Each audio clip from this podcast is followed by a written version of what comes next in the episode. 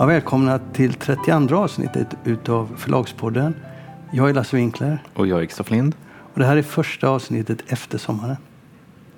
Nu går vi in i den roligaste delen av året när det gäller förlag och böcker och litteratur, tycker jag. Jag trodde att vi skulle vara fulla utav idéer när vi kom hit. Ja, men det har faktiskt varit motsatsen. Vi har ju en del saker att prata om, men det har inte riktigt hänt så mycket i bokbranschen. Och Alla har varit på semester och eh, nyhetsflödet har varit relativt tomt. Men några grejer har det varit. Några grejer som jag har reagerat på och några som du har reagerat Och på. några grejer har det varit. Jag tänkte på den där, det kan verka som förföljelse av DN och så, men jag tänkte på eh, Jonas Tentes artikel i DN helt nyligen. Ja, Margit Söderholm ja. Margit Söderholm som är en svensk författarinna som gavs ut på 40 och 50-talet. Organiserad nazist. Och en del, hennes böcker kommer nu ut som en del i ett projekt som Bonniers har på med många år. Där 5000 titlar ska eh, bli ljudböcker från deras arkiv. Mm. Och Tente gjorde då en eh, artikel där han kritiserade Bonniers för att de har gett ut det här utan att markera upp att hon var nazist. Sen kom det en artikel till av Georg Cederskog dagen efter som intervjuade folk om detta. på Ja, Bonniers. missade jag. okej. Ja. Och sen så kom då eh, Bonniers svar av eh, Montan. Mm. Och sen så kom Tentes svar på det. Och det var när jag såg Tentes svar där som jag blev lite förbannad. På Tente alltså. Jag gillar ju Tente, Jonas Tente. Jo, Men ja. där blev jag väldigt irriterad. Jag tror, vi, jag tror vi reagerade likadant. När jag läste Tentes påhopp där på Margit Söderholm och, och Wahlström Widstrand så tänkte jag som man ibland gör. Alltså man, man, ibland kan man bli lite missundsam och tycka att det är lite roligt när konkurrenterna får skit. Eh, men när jag sen läste Jesper Montans utmärkta svar och Jonas Tentes otroligt eh, lättkränkta och, och eh, självpåtagna, missförstådda svar på hans replik så blev jag bara less också. Ja, och jag hade inte väntat mig det av Tente. Jag tycker att han håller så hög kvalitet. Och han gör en jättebra grej när han går, tar upp det här. För det är så det ska gå till. Det är ju journalister, kulturarbet, kulturjournalister och intellektuella som ska plocka upp de här debatterna, ska plocka upp de här frågorna och göra dem synliga.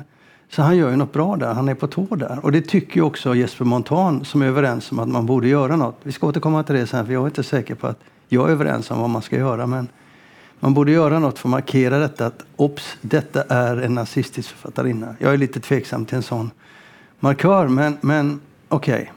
Men det är sen när... För, för grejen är att Tente går igenom det här och sen så svarar Jesper Montan att om du hade kollat med oss så kunde vi förklara varför det ser ut som det gör. Ja, men då har det inte blivit ett bra påhopp. Nej, och där har ju Jesper Montan helt rätt. För han kollar ingenting nämligen.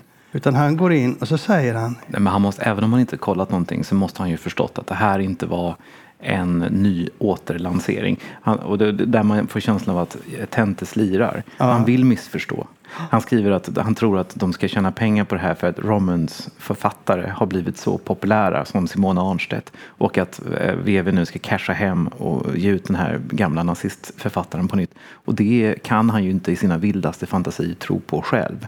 Det här är ju inte böcker som, jag vet inte var han har sett dem någonstans. Eh, De finns ju på Storytel och de har dykt upp, alltså de finns ju som, som e-böcker då. Men det är inte någonting som har marknadsförts utan de bara ligger där och skvalpar. Och de har dessutom använt de gamla omslagen, alltså 40-talets omslag. Så det är helt uppenbart att det här är en gammal, eh, gammal alltså en digitalisering av ett arkivmaterial. Och han kritiserar också sättet den har lanserats. Men vi vet ju det att vad man gör då det är att man tar ju de gamla sagorna eller baksidestexterna Ja. och lägger upp. Ja. Så det är därför det ser ut som det gör. Men hade han pratat med Ja, visst, han Bonniers får det framstå som att Bonniers har presenterat det här på det sättet själva. för att det ska Ja. slå an För att det ska slå an. romansutgivningen. Ja, det är så dumt. Så. Ja, det är väldigt dumt. Men sen är han helt god i slutet där så säger han så här, citat. Förlagschefen Montan uppmanar mästrande sina kunder att kontrollera sakförhållanden kring hans utgivning. Det är nu gjort, om än på något omständigt sätt. Men det har han ju fel. Han är ingen kund. Han är journalist. Och vad Montan säger till honom det är att gör din läxa innan du går ut. Och då gör han sig till, ja men jag är bara en vanlig lyssnare. Och då applikerar han som journalist. Ja. Så det är ett jättearrogant svar som gör mig väldigt besviken. Men han kan gärna få komma till våran podd tänkte jag och förklara sig. Och slåss för sin syn. Eh, vem av dem? Eh, Tente? Eh, Nej, jag vet inte om det finns mycket mer att säga. Nej, men han kanske vill förklara att vi har fel. Och så skriver han också. Det hade dock varit smakligt i denna tid av arrogans och självgodhet om Montana hade dragit sig till minnes att han arbetar i informationsbranschen. Back to you säger jag bara då. Säger jag också. Var det något mer du reagerar över där? Jag tycker att Bonniers gör ett jätte... Jag tycker det är jätteintressant att han gör detta projektet. Ja, nej, jag tyckte att eh, Jesper Montans svar var väldigt välformulerat och klokt. Eh, och eh, att det här är en helt idiotisk diskussion som inte ens skulle behövt uppstå. Men Nej, men det är ju det att, att vad Tente gör då, det är att han läser och tänker och skriver.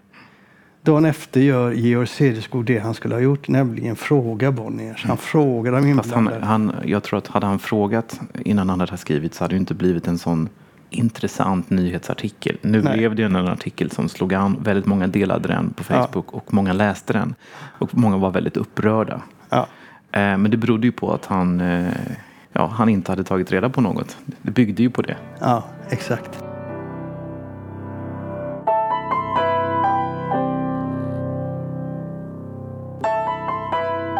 Eftersom det är första programmet efter sommaren så kör vi en liten mjukstart här. Du, i, I avsnittet innan semestern så eh, vill jag att vi skulle komma med tips eh, på sommarläsning. Mm. Och jag kom fulladdad. Ja, verkligen. Ja. Och du kom? Tomhänt. Ja. Och så sa du att du skulle komma tillbaka efteråt. Ja, Vad läste du i sommar? Jag har läst ganska mycket i sommar och som alltid när det är sommar så försöker jag blanda. Jag försöker lä- läsa klassiker. Men jag försöker också läsa i kapp väldigt mycket samtidslitteratur. Jag försöker läsa vad som kommer ut på mina, mina, mina, hos mina konkurrenter. Vad har du läst? Men sen har jag läst, det var det jag tänkte tala om. Jag har läst eh, två stycken böcker med kopplingar till förlagsbranschen. Vilken ska jag börja med? Den roligaste? Ja, men den roligaste det är en bok som, eh, som är, det är en biografi om eh, Jean Giacomo eh, Feltrinelli som är alltså en italiensk förläggare. Och den här boken som heter Secret Service, nu ska vi se, den heter A Story of Riches, Revolution and Violent Death i engelsk översättning. Eh, utgiven på Granta för några år sedan. Är skriven av hans son Carlo Feltrinelli. Det där, det där är alltså en, eh, vad jag fattar på dig, så är det en effekt av det inslaget vi hade om Italien. Det är det, för att en av våra lyssnare tipsade mig om den här boken som jag inte hade en aning om att den fanns. Eh, för vi nämnde nämligen Feltrinelli när, när vi Du talade om Italien, för vi, vi var där på besök. Och eh, jag känner till lite vagt historien om, om eh, Jean Giacomo Feltrinelli. Men det blev liksom inte riktigt läge att berätta den. Och eh, sen fick jag tips eh, om den här boken och nu har jag läst den. Och man kan väl säga så här att eh, förlagsbranschen, inte minst historiskt, är ju fullt det finns fullt av excentriska förläggare. Men eh, Jean Giacomo Feltrinelli, han tar liksom alla priser. Han är helt i en klass för sig. Ja, det är väl inte så lite när det gäller italienare dessutom. Nej, verkligen inte. Själva boken är, den är skriven av hans son. Och Ehm, han är ju född in i det här. Och eh, det finns mycket frågor som han ställer sig. Alltså en, eh, en, en lite mer kanske nyanserad person hade kunnat skriva en mycket mer intressant biografi. Man skulle egentligen vilja en person som Bengt Jangfeldt eller någonting sånt skulle skriva den här historien. Det hade varit fantastiskt. Boken är faktiskt inte egentligen någon eh, läsfest. Men innehållet är så otroligt intressant. Eh, Det är en ganska tjock bok och det är, det väldigt mycket citat, väldigt mycket brev, väldigt mycket dokument och väldigt lite psykologisering och reflektioner. Men, eh, men det är ju en helt otrolig, eh, ett helt otroligt livsöde. Ja, men ge mig lite mer, jag vill veta lite mer om Du vill veta lite mer? Okej, Ja, jag ska försöka inte ta det här så långt. Men man måste nämligen börja med bakgrunden. Gian Giacomo Feltrinelli, han föds in i en av Italiens rikaste familjer. Och då är, det inte liksom, då är man inte lite förmögen, utan då är man jätterik med svenska mått mätt. Och ehm, hans familj, de äger, de har gjort sig en jättestor förmögenhet på, farfar gjorde sig en jättestor förmögenhet på träindustrin. Eh, I hela Östeuropa så är alla de här stockarna som är på tågrälsen, vad heter det? Eh, rälar. Ja, du kan sånt. Ja, jag har ju jobbat på Ja. Rälar. Alla rälar i hela Östeuropa kommer från Feltrinelli. Eh, och de ägde också Credito Italiano, en av de stora bankerna. Sen dör hans pappa och kriget kommer och han är väldigt, väldigt ung. Han är bara tonåring. Och då rymmer han hemifrån och eh, ansluter sig till motståndsrörelsen och blir kommunist. Eh, hans mamma är förskräckt över det här. Hon är nämligen fascist och hon hade till och med låtit Mussolini göra honom till markis. Eh, och Mussolini bor i deras villa under Sarò-regimen. Det är därför de flyttar till, till Toscana där han ansluter sig till motståndsrörelsen. Och sen efter kriget så Eh, ärver han 75 procent av hela förmögenheten. Eh, så han blir en otroligt förmögen man vid 21 års ålder. Och han börjar då eh, bygga upp ett bibliotek. Han är väldigt intresserad av, han är medlem i kommunistpartiet, han är väldigt intresserad av arbetarrörelsens historia, han är väldigt intresserad av, av eh, böcker och dokument som är kopplade till det här. Så han, efter kriget åker han runt i Tyskland och köper upp massa saker. Han köper upp brev av Marx och Engels och han köper upp fantastiska samlingar. Börjar bygga upp ett bibliotek. Och det blir sen eh, eh Feltrinelli Library som idag är Feltrinelli Foundation som fortfarande finns kvar och som har över 200 000 böcker och en miljon källdokument som kopplade till eh, kommunismen och socialismens historia. Och det här gör att han sen kommer in på att starta ett förlag och det blir då Feltrinelli förlag. Och eh, han blev, eh, han grundade förlaget 54 och redan 56 så ger han ut Dr. Chivago. Och det är en, eh, blir en jättestor grej för honom och för förlaget eftersom boken var förbjuden i Sovjetunionen. Och eh, han är alltså den första förläggaren som ger ut den. Han får kontakt med Pasternak får världsrättigheterna på boken. Boken är förbjuden i Sovjetunionen och han får inte ingå avtal med utländska förlag. Men han, den kommer först ut på italienska i Italien. Sen säljer han boken till liksom land efter land efter land efter land. Och det är också han som säljer filmrättigheterna till den här boken. Som blir en enorm succé. Och det här får komplikationer för honom privat för att eh, kommunistpartiet tycker inte om att han går emot Moskva. Så han, han, blir uppläxad och det slutar med att han lämnar kommunistpartiet men, eh, och får en ansträngd relation till Moskva. Och det slutar väldigt illa för Pasternak också. Han tvingas tacka nej till Nobelpriset och han hamnar ju faktiskt i fängelse och hans fru och dotter skickas till arbetsläger och det ena med det andra. Han dör för att aldrig träffa Feltrinelli. Eh, men det här var ju en jättestor sak. Sen bara några år senare gav han ut Leoparden också. När eh, Feltrinelli gav ut den 1958 så hade den refuserats av i stort sett alla de stora italienska förlagen, vilket är obegripligt. Det är en roman som utspelar sig i Italien under enandet på 1860-1870-talet. Och den är skriven av, huvudpersonen i romanen är en gammal adelsman som är prinsen av Salina. Och den är skriven av en ättling till honom. Eh, och eh, är en fantastisk bok som handlar om social förnyelse och kontinuitet på något sätt. Han har en klassisk formulering, han säger att allting måste förändras för att förbli det gamla. Men den här boken är också även idag eh, sedd som en klassiker och utgiven på extremt många språk och finns på svenska också. Den finns på svenska och den kom faktiskt i en nyöversättning på VV förra året. Jag tror Vivica Melander nyöversatte den. Ja. Det här gjorde ju, satte honom på kartan naturligtvis med, med Dr. Chivago och sen så eh, Leoparden. Eh, men sen så händer det grejer. Han blir allt mer politiskt radikal. Och eh, han åker till Kuba. Eh, jag vet inte om man kan säga att han blev kompis med Castro. Men eh, de umgås väldigt mycket. Han åker dit, han åker fram och tillbaks. Han ger ut Castros memoarer, han ger ut Che Guevaras dagböcker från Bolivia. Han åker till Bolivia för att han ska försöka rädda en, en eh, fransk författare som blivit fängslad i Bolivia. Men det slutar med att han blir själv gripen av CIA och fängslad. Eh, och eh, eftersom Feltrinelli inte är vem som helst så ingriper nu den italienska utrikesministern och eh, premiärministern och kräver eh, av USA att de ska släppa honom, vilket de också gör. Nu inleds en period där han blir allt mer radikal som sagt och han startar alltså, han åker 1968 så knöt han kontakter med separatister på Sardinien. För tanken var att de skulle göra Sardinien till ett medelhavets Kuba. Men de planerna de, de spricker Eh, och sen startade han en egen militant gerillagrupp som kallas för Gruppi di Azioni Partigiani, Partigiana. Och det blev alltså den näst mest militanta gruppen efter Röda brigaderna. Oh shit. Och det sker eh, en del, en del terrordåd där man misstänker alltså att han, han är inblandad. Och han finansierar väldigt mycket olika vänsterrörelser eh, i olika delar av världen. Eh, och eh, han tvingas 1970 att gå under jord. För att polisen är efter honom och han tror även att CIA och Mossad är efter honom. Så han kallar sig för Osvaldo. Och bara försvinner. Han har en fru och en älskarinna och en son. Eh, två exfruar. Och eh, frun får ta hand om förlaget. Hon har redan i praktiken skött förlaget i flera år. Hon lever fortfarande, hon leder fortfarande förlaget. Hon är 88 år gammal. Tillsammans med sonen Carlo. Okay. Eh, och hon skriver till dem att, eh, han skriver till dem att liksom, ni får ta hand om det här och han skriver till alla sina andra, han äger ju fastigheter och företag och sådär. Han skriver till alla att jag går under jord, jag kommer vara borta, liksom, ni får de här befogenheterna. Köp ingenting, ha jättemycket pengar i kassan, det kommer behövas, vi har krig på gång.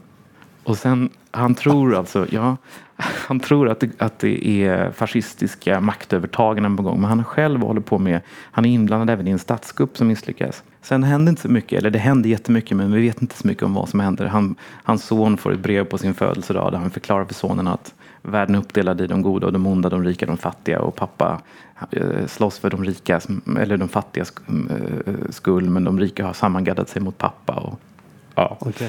och 1972 så hittas han död eh, utanför Milano. Han har dött av en bomb som, som skulle användas i terrorattentat. Man tror att man, äh, syftet var att försöka slå ut strömtillförseln till hela Milano. Och eh, hans begravning besöks av 8000 personer. Och det här, eh, hur han exakt dog, det är fortfarande dolt. Något av en gåta. För att i en rättegång i slutet av 70-talet så hävdade Röda brigaden att han dog när han misslyckades och orsakade strömavbrottet i, i, i terrorattentatet. Men det, det, var en artikelserie om det här i, eh, i en stor tidning, italiensk tidning där en känd italiensk journalist hävdade att han rånades och eh, band, alltså det var att han mördades. Att han var, han var bunden, den här, fastbunden i den här bomben. Och alltså att det var ett eh, dåd av den italienska eller israeliska säkerhetspolisen. Ja. Ja, det var ett öde. Eller hur? Ja, det var en bok som du läste. Det var en bok som jag läste. Sen har jag läst en bok som var den stora snackisen i bokbranschen 2006. Du börjar plocka upp? Börjar jag börjar plocka upp. Jag börjar komma ikapp. Nej men på den tiden så, jag vet inte varför jag inte läste den. Det var ju rätt länge sedan, 11 år sedan. Jag var helt ointresserad av det här då. Eh, men det var inte du, för du nämns i den här boken. Och eh, den, det är alltså, boken heter, den är skriven av Unni Drugge och den heter Boven i mitt drama kallas kärlek. Mm. Den slog ju ner som en bomb när den kom eftersom hon i den här boken skildrar eh, sin relation med Niklas Salomonsson.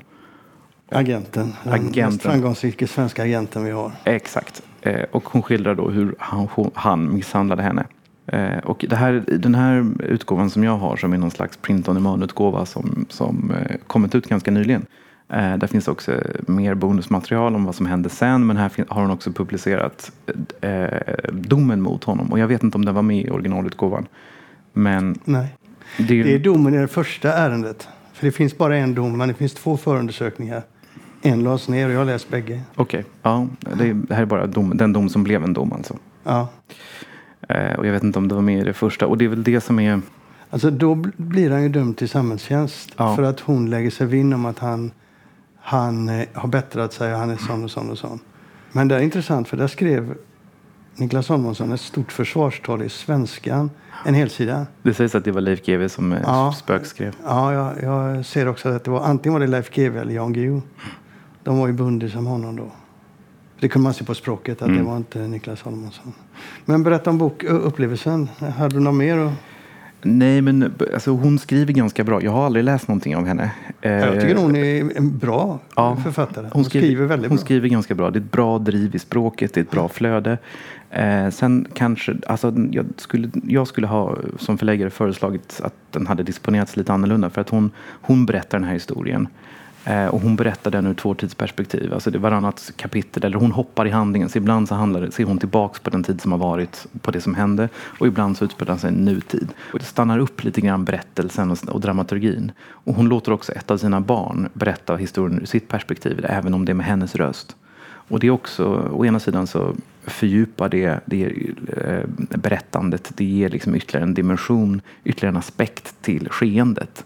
Men det tar också bort lite grann av, av eh, närvarokänslan och, eh, mm. och, och, och, och, tempot. Hade hon, hade hon gjort en renare historia av det här tror jag hade kunnat bli en, en riktig bestseller. Um, men nu, nu blir det lite för mycket återblick, reflektion och, och, och sådär. Men, men det, hon skriver väldigt bra och det är en otroligt eh, skrämmande bok. Men har man läst många böcker om, om kvinnomisshandel så är det ju en historia som man känner igen. Mm. Eh, det, är inte bara, det handlar inte bara som Jan Guillou och Leif GW Persson försökte få det till i den offentliga debatt som sen följde. Det handlar inte bara om eh, något som hände någon gång. Nej, nej, nej. Det, det faller väl in i mönster som vi känner det från ja. metoo. Men, men... Ja, det var precis att du sa det, för det var lite därför som jag kom att tänka på den här boken. För att, och jag tänkte att men nu ska jag ta och läsa den här boken så att jag liksom får den här andra sidan av det här. För det är väldigt många som har sagt i kölvattnet av metoo finns det inga metoo-historier i bokbranschen. Och det har förvånat mig att den här boken har inte dykt upp. Att ingen har plockat upp den eller refererat till den. Mm, den är en väldigt tydlig metoo-historia. Ja, det finns en passage här som jag tänkte läsa. Absolut. De få böcker du ägde var nästan uteslutande de dina klienter skrivit. Jag undrar i mitt stilla sinne vad dina författare skulle tycka om de fick veta att den man som representerar dem utomlands är dömd för kvinnomisshandel. Astrid Lindgren. Vad skulle hon tyckt om hon hade levt? Prisade och uppburna kulturpersonligheter. Makthavare och opinionsbildare. Vad skulle de tycka om de visste? Skulle de tycka att det var rätt åt mig? Finns det överhuvudtaget solidaritet mellan författare? Eller tänker alla bara på pengar? På att du kan spä på deras kassa? Zuest komtas essen dandi moral.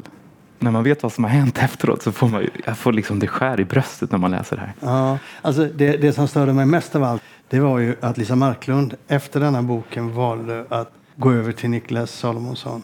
Hon som hade skrivit att hon skrev en bok som heter Det finns en plats, särskild plats i helvetet för för kvinnor som inte är solidariska med andra kvinnor. Något liknande hette boken. Sen gick hon och blev representerad av Niklas Holmström. Hon visste allt detta.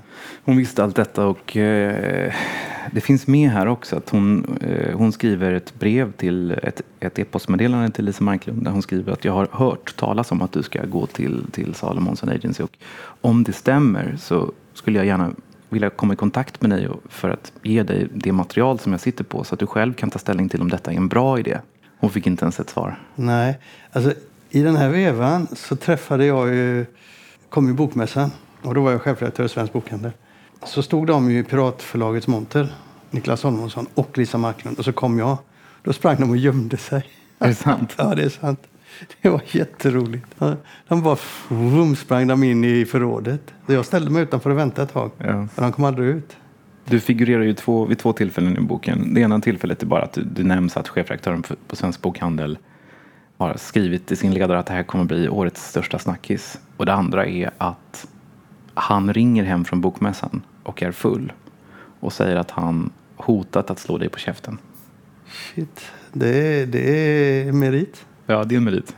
Jag kommer inte ihåg detta men Eh, för sak, till sakens skull bör man väl säga att det här självklart givetvis är en partsinlaga. Att det här är hennes version.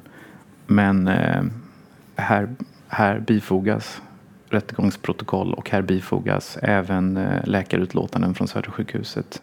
Även om sanningen ofta är mitt emellan så är inte det här en ointressant bok att ta del av. Jag kan verkligen rekommendera den.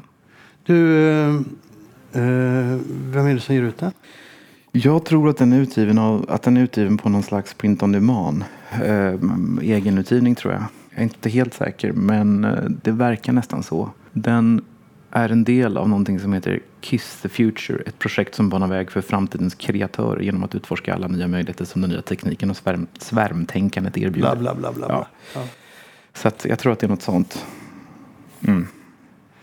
Jag tog med mig eh, hade tio böcker tror jag. Och lika många DVD-serier. Jag tänkte det här ska bli roligt. Sommar, vi ska bara slappa. Jag läste en bok. Och den började med att jag tänkte jag behöver någonting lite annorlunda. Och sen fastnade jag i den och var helt förtjust. Och det var det enda jag sysslade med då när jag läste. Och det var Oh Stay Comfort Me av H. F. M. K. Fisher. Francis Mary Kennedy Fisher. Den är på engelska. Frances Mary Kennedy Fisher är död och hon gav ut en form av dagboksanteckningar från 1931 till 43. Hon är ju sedd som den moderna skribenten när det gäller att skriva om mat. Men hon är mycket större än så. Hon skriver om livet. Och så råkar det vara väldigt mycket mat i det. Men det är en helt annan typ av eh, skrivande än den du ser idag. Hon, du kan jämföra henne med Ruth Rachel som är ju en av de moderna USAs bästa eh, skribenter när det gäller mat och måltids, och sånt. Men säger man bara så så blir det väldigt enkelspårigt och det är det inte. Det här handlar om kriget, det här handlar om hur de levde, det här handlar om hennes tankar och relationer. Hon har en fantastisk penna. Och hon finns inte på svenska. Men eh, jag älskar att läsa henne. Ja, det är kul. Så att det, det var det enda. Det var väldigt klent för sig. Läsning från min sida. Ja, det var en massa snack om inte så mycket. Ja, det är en bra sammanfattning av Förlagspodden. Ja.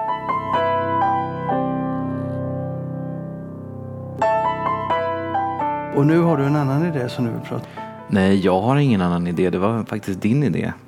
Du kom in här i mitt rum och så sa du att det var slut på min whisky. Ja. Och du sa att jag har inte fyllt på, det är ingen som vill dricka whisky, det är inget roligt. Och då sa du varför är det så få excentriker i förlagsbranschen nu för tiden? Det sa jag faktiskt. Så sent som i början på 2000-talet när jag eh, alldeles innan jag blev chefredaktör och jobbade frilans för Svensk Bokhandel så gjorde jag en del, eller slutet av 90-talet, gjorde jag en del som reportage. Inte bara Cavefors. Jag gjorde ju Kalle Hägglund. Mm, det var en excentriker. Du, han köpte baljor med godis. Och så parkerade han sin bil, det här är ju banala saker, men så parkerade han sin bil på eh, i Gamla stan där, där de hade sitt förlag. Ja, Han bodde inte långt ifrån, eh, han bodde på Svartmangatan, inte långt från där förlaget låg i tyska Brunnsplan. Ja, just det. Och han, parkerade, han betalade aldrig en parkeringsbot. Aldrig någonsin. Och sen så hade han satt i system. Eh, han var ju kommunist i botten. Han kom ju från Österbotten i botten. Haha. Han jobbade på eh, SKPs bokförlag först. Sen startade han Askelin och Hägglund Mm. med Kikki Askelin. Han hade en boxningstidning också som hette Sving har jag för mig. Ja, just det. Han hade, eh, Och han hade finger med Folket i bild också tror jag. Ja, jo. Han var en väldigt, var en väldigt sympatisk människa. Men han hade en, eh, i praktiken hade en devis. Som, Betala aldrig en räkning nu. Nej, ja. men som förläggare var han väldigt excentrisk. Han hade aldrig några pengar. Sen levde han lite efter devisen allt ditt är mitt och allt mitt är mitt. Det låter inte särskilt kommunistiskt. Nej, han hade gjort en variant på den. Han eh, betalade, han lurade författarna på otroligt mycket pengar. Och betalade liksom inte utan drev det hela liksom framför sig och bjöd hellre på middagar. Flotta middagar. Och eh, Jan Guillou brukar säga det att han lurade Jan Guillou eh, på, på, eh, på hans eh, författarhonorar. Det han skulle ha för ett antal böcker. Men det var innan Hamilton-serien. Så när Hamilton-serien kom va, så fick ju inte han den. Nej. Och Jan Guillou brukar säga det att det finns en särskild rättvisa i det där. Därför att han skött sig så hade han fått dem. Mm. Men han lurade skjortan av Guillou, av Magdalena Ribbing, av eh, jag vet inte hur många författare. Även tror jag kanske några investerare. Var det inte några investerare i det här förlaget också? Absolut, men vi ska inte gå för mycket in. Jag har skrivit. Vill du veta mer så får du Ja, gå kan till ta lägg. upp, vi kan ta upp det i nästa podd eller någon annan podd. I en annan podd så kan vi berätta den storyn. Det här var bara en, en liten ut, Men han var en utvikning. excentriker. Han var en excentriker. Och så när, när eh, du vet, han lurade ju in P.A. Eh, vad heter han? Sjögren. I Rabén och Sjögren. P.A. Sjögren. Som eh, började jobba med honom. Och han hade ingen aning om det var för skojare han började jobba med. Nej. Så han satt ju inne i lokalerna vet, så kom ju de här eh, indrivningsmännen och knackade på. Och då kröp Kalle ner under, eh, skrivbord, mellan, eh, under skrivbordet. Och där låg han när indrivningsmännen kom fram till P.A. Sjögren och frågade om vad Kalle var där. Och P.A. Sjögren då som är en hedersman på det sättet. Han skulle inte ljuga sånt, men han kunde inte annat säga nej han är inte här nu. Jag intervjuade ju Vilken- honom där han berättade vilken de grej. Ja. Ja, på den nivån var det. Så att det, det sorgliga var att han lurade så mycket författare. Och det gick åt skogen sen. Ja. Men jag jobbade länge med det reportaget och det var verkligen en excentriker. Och jag tänkte inte så mycket på det då, för det fanns rätt mycket av den typen för. Även på förlagssidan, alltså det fanns en, alltså på mm, redaktörer och förläggare, inte bara... Det Absolut. fanns, det fanns en hel del. Speciella människor. Ja. Men vad ser du idag?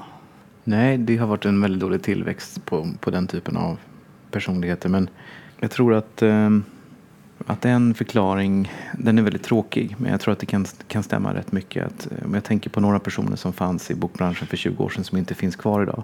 De här som man talar väldigt uppskattande om som, som excentriker, underbara människor, härliga människor, människor som gick sin egen väg.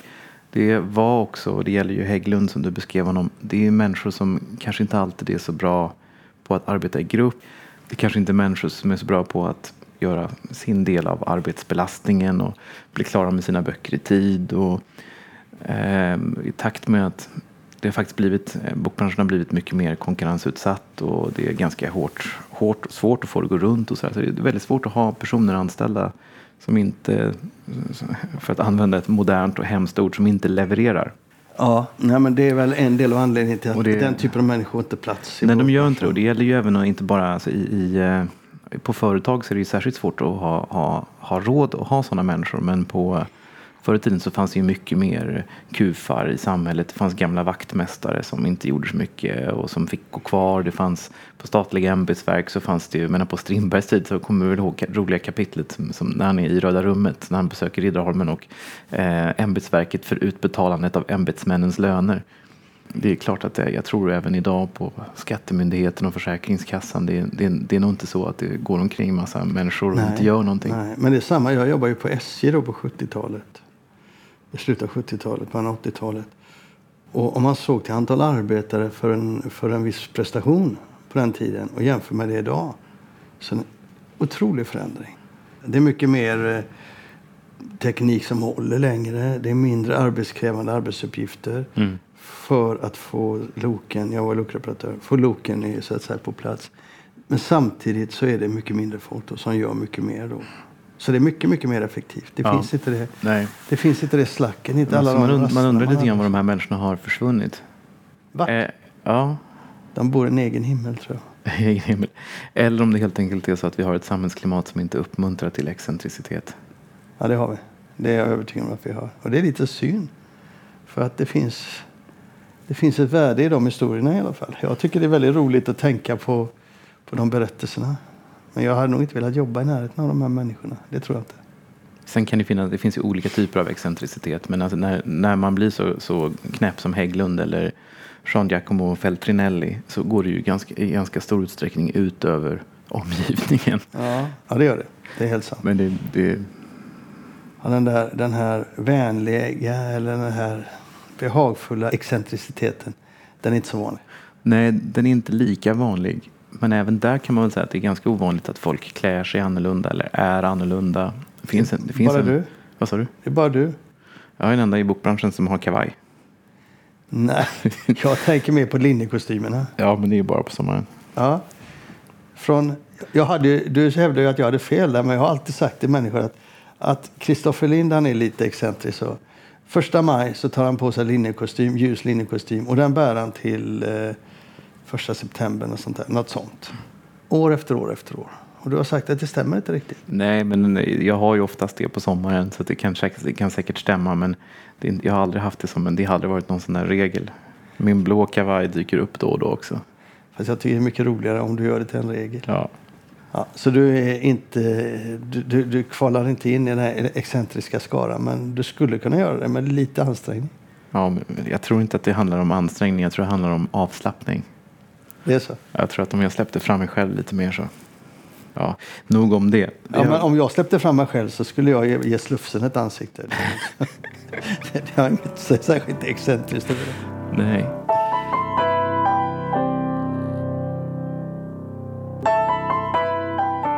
En annan sak som jag tänkte att vi bara kunde nämna lite grann, det är försäljningen i sommar. Ja, absolut. Och eh, vi har ännu inte fått in några siffror och det, jag vet inte om det kommit siffror när det här programmet sänds. Det kanske har gjort det och då kanske det vi säger nu är helt, helt, helt inaktuellt. Eh, men den känslan som jag har och det utgår ifrån mig själv naturligtvis är ju att det här har inte varit en bra sommar för bokhandeln. Eh, vi har haft en väldigt svag försäljning till bokhandeln och eh, kanske att det gått lite bättre dagligvaruhandeln. Och de indikationer jag har fått har också varit att det är sådär, säger folk. När det är sådär så brukar det oftast vara ganska dåligt. Det har varit för vackert väder, för lite folk i butikerna. Och så var det ju även under, det började ju redan i maj. Vi får se, vi får se nu hur hösten börjar. Mm. Låt oss prata lite om utgivningen också då ändå.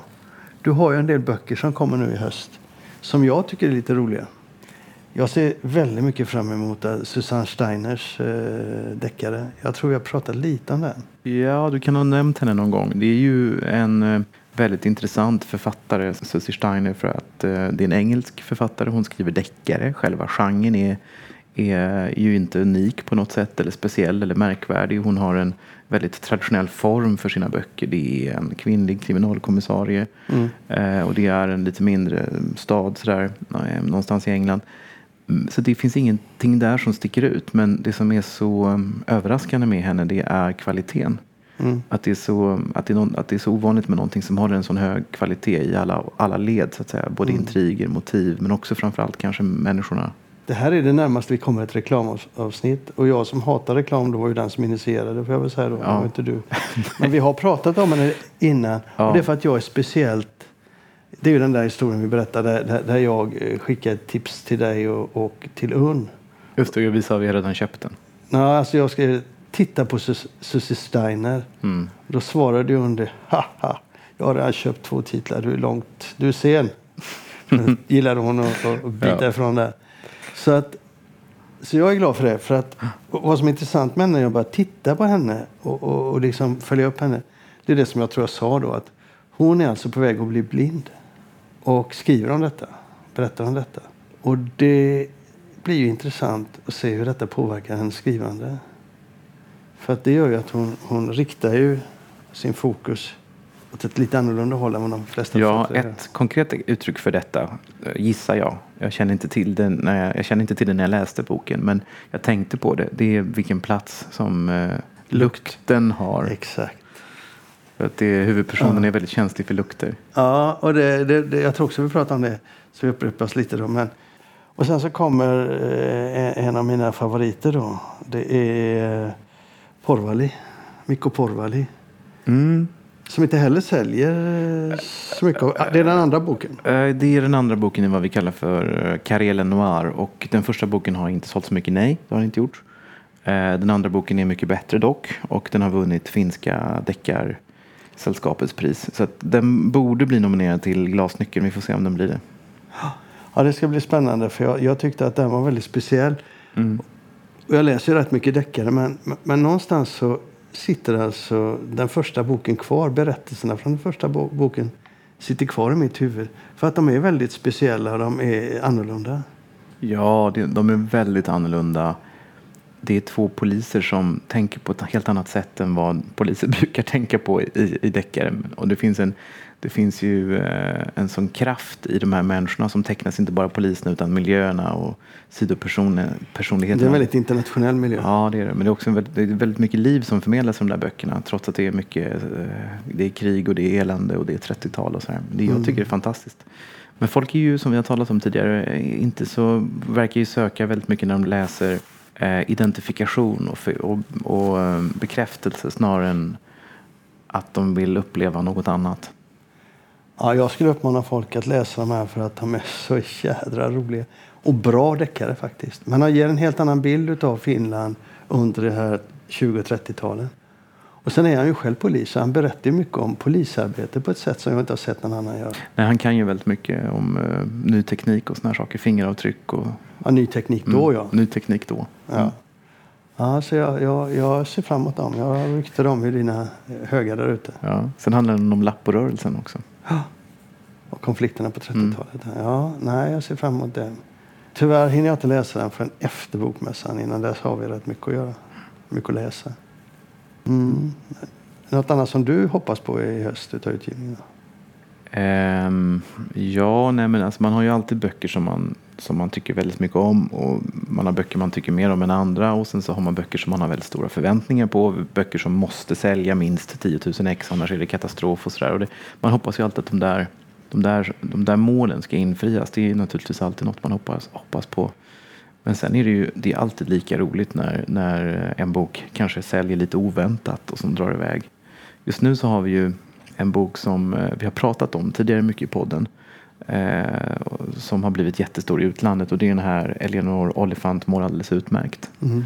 Och den, vi har talat om den för att det var en, när vi köpte den så var det en svår bok att få. Och vi budade och det ena med det andra. Och sen så blev den väldigt internationellt hypad. Och sen så kom boken ut. Och har ju blivit en fundamental supersuccé. I England så har den alltså sålt 500 000 eh, pappersböcker. Och det är den e-bok som har legat längst på den brittiska topplistan någonsin. Jag tror det är 23 veckor på första placeringen. Det är aldrig hänt förut. Och vi är liksom lite besvikna över att det inte hänt så mycket i Sverige. Den har fått fina recensioner dock. Mm. Eh, men nu har den kommit till pocket och ser faktiskt ut att börja flyga. Den har inte riktigt börjat flyga men den, den, den har bara varit ute i eh, fyra veckor. Vi är redan inne på andra tryckningen och det är intressant nog bara bokhandeln som säljer den.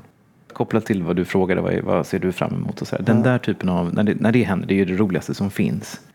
Eh, för att, att man har saker som man, man tycker är väldigt bra och som man, man jobbar med och kämpar med och sådär. Så lossnar det inte riktigt och sen så plötsligt så lossnar det. Och mm. Det är ju väldigt, väldigt roligt. Det är det roligaste som finns som förläggare. Ja. Tyvärr upplever man ju ofta motsatsen. Ja, nu är du inte lika grinig som du var när vi pratade om den. Nu är du gladare för den. Ja, nu är jag gladare för. Men eh, apropå detta med bokhandelns roll så är det väldigt, väldigt intressant att notera då att den här boken har börjat sälja på Pocket Shop. Eh, de har visserligen haft en kampanj på den men det är, det är många titlar de kampanjar utan att det lyfter riktigt. Men, men den känsla som jag har är att boken säljer för att det är bokhandlare som brinner för den och inte bara pocketshopparna. Det, finns en, eh, det här är en bok som även inbundet så sålde Akademibokhandeln vid Sergels torg 300 ex. Då finns det någon där som älskar det. Det finns någon på Akademibokhandeln Sergels torg som älskar den här boken och nu har de redan sålt liksom 300 pocketar. Så det, det, bokhandeln har ju en enorm, en enorm eh, makt, en enorm förmåga att lyfta fram bra berättelser om ja. de brinner för dem. Ja. Det var eh, det här avsnittets reklaminslag. Ja. ja, men det var du som tog upp det. Ja, så jag fy mig, fy mig. Mm. Vad gör vi nu då? Hur bättrar vi oss? Ja, vi, vi, gräver ju där vi står och då är det inte så konstigt att man utgår från det man har läst och det man jobbar med. Nej, bara man inte gör det för mycket det, så att det blir ensidigt. Jag vet att vi inte är riktigt överens där. Du pratar gärna mer om det än jag. Men det är ofta jag som tar upp böckerna. Ja. Och, och, och ofta är det då böcker som jag gillar. Jag gillar ju Olifant. Jag tycker hon har ett språk som är helt otroligt roligt att läsa. Det här är version, eller detta är avsnitt 2377. Något sånt. Ja, då vi kommer in på ljudböcker menar du? Ja. Men det kommer vi komma in på många gånger framöver också. det har hänt lite grejer som vi tyckte vi skulle prata om. Storytel är fortfarande störst. Men konkurrenterna börjar få massa nu. De börjar få kunder. Det händer saker på den svenska äh, marknaden. Ja, det gör det. Alltså både, både Bookbeat och Nexer har ju vuxit väldigt mycket senaste kvartalet. Och, eh, procentuellt sett så har väl Nextory vuxit mest. Men fortfarande så är ju Storytel den absolut största aktören som har en total marknadsdominans. Så det är inte så att den här tillväxten hos de andra på något sätt hotar Storytels position. Nej, det gör det inte. Och de är fortfarande så att säga snabbast och vigast på marknaden. Men så har de gjort en grej som retar mig väldigt mycket. Därför jag vill jag ta upp det. Jag vill höra vad du tycker om det. Sen ett par år tillbaka, mm. eller ska man inte säga, alldeles nyligen mm. så har de ändrat på, på eh, presentationen av nya böcker och eh, när jag som prenumerant går in, mm. eller min sambo är prenumerant, så är det inte längre som det var förut. Jag ser inte nyhetsflödet. Har du sett det? Ja, vi noterade det och blev jätteoroliga. Eh, man har alltså, för de som inte känner till hur det fungerar i Storytels app så, så är det så att först har, när man har gått in i appen så har, har nyhetsflödet kommit. Och det har alla förlag gillat?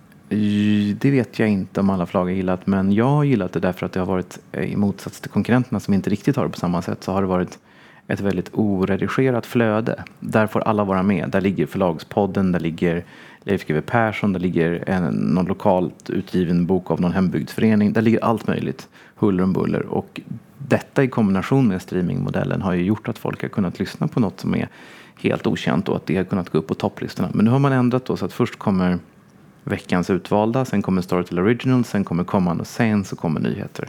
Men veckans utvalda, hur mycket är det som är... Hur är graserna fördelade där? För jag försökte kolla det. Men jag...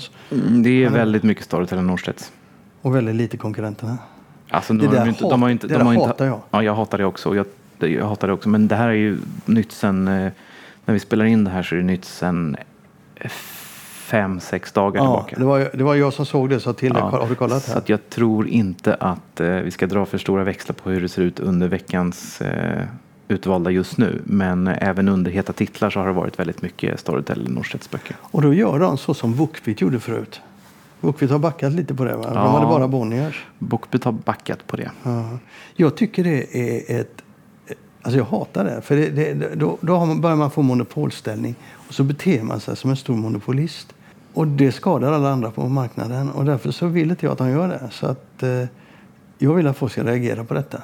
Och markera att det är Storytel att gå tillbaka till, en mycket, till, till det gamla sättet. Jag funderar lite grann varför man gör det här. Och det tyder lite grann på, i min värld som jag tänker, okej man vill sälja mer av sina egna och mindre av konkurrenternas. Och och eh, gör man det för att man har eh, eh, dålig lönsamhet, man vill öka lönsamheten i de egna företagen eller vad beror det på? Ja, alltså, jag har inte tagit upp det här med Storytel själv. Jag ska träffa dem i, i, i, om två veckor och, och prata om olika saker. Då ska jag ta upp det här och då får jag höra vad de säger. Men vi upplever ju att det har blivit väldigt mycket så att man försöker styra lyssningar till de egna producerade böckerna eh, och att våra titlar inte har lyft så mycket på sistone. Men det kan bero på tillfälligheter, det kan bero på ny personal, det kan bero på det ena med det andra. Så jag ska inte säga att det är så. Jag har som sagt inte pratat med dem om det själva. Men det är klart att för Storytel som företag så är det ju mycket mer lönsamt om folk lyssnar på Storytel Originals. För då går ju hela kakan till det egna bolaget.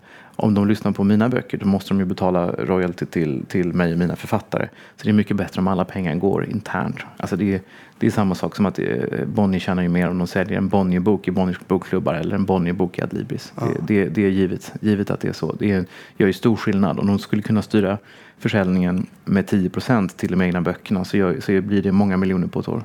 Ja, jag är nog mer irriterad än vad du är. ja, nej men jag har ju hela mitt liv i bokbranschen hatat eh, det här.